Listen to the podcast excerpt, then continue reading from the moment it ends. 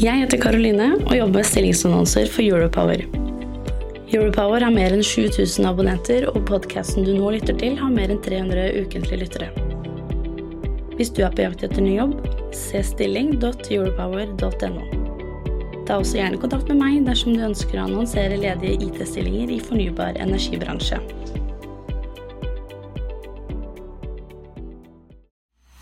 Du lytter til lyden fra en videosending med journalist Magnus Linjære i Europower.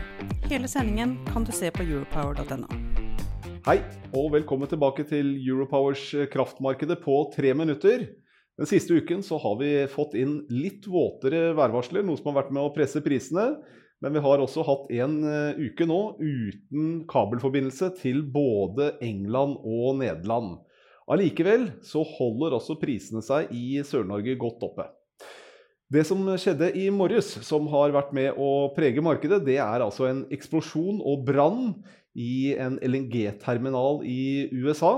Freeport heter den og står for nesten 20% av gasseksporten til USA.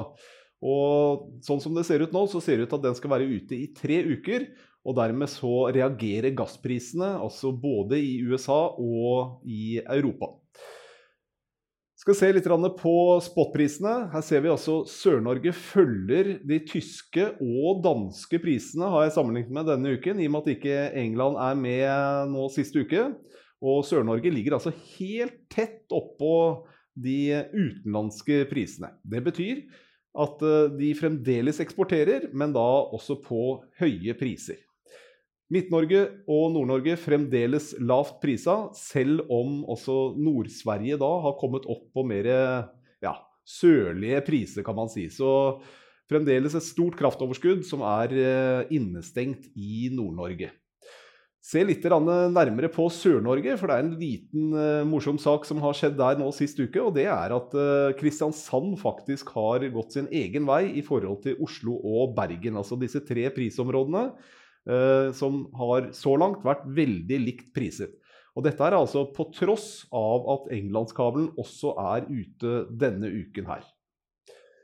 Skal se på fyllingsgrad. Der er det videre oppgang. Det er en god del smelting, og det er nok noe som også preger litt disse prisdifferansene også i Sør-Norge. Hvor eh, Oslo-prisområdet og Bergens prisområde har en god del uregulert eh, kraftproduksjon. Det betyr altså elvekraft og den saks som må produsere da når vannet kommer. Mens eh, prisområdet Kristiansand, der er det sannsynligvis da i større grad bedre kontroll med mer regulerbare vannmagasiner. I eh, terminmarkedet der har vi hatt en nedgang nå den, de siste dagene. og Dette her har hengt litt sammen med gassprisene i Europa, som også har vært fallende i noen dager. Og eh, det Analyser har pekt på at det har vært eh, godt med gass. Det kommer en god flyt med gass fremdeles fra Russland og fra Norge.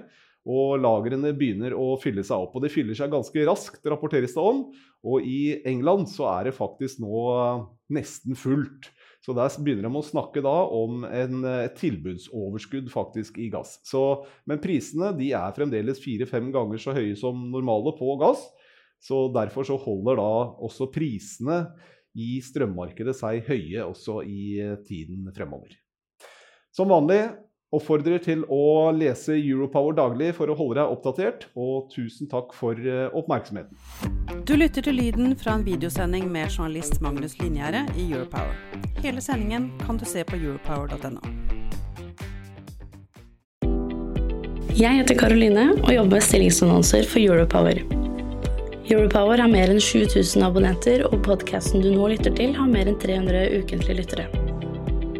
Hvis du er på jakt etter ny jobb, se stilling.europower.no. Ta også gjerne kontakt med meg dersom du ønsker å annonsere ledige IT-stillinger i fornybar energibransje.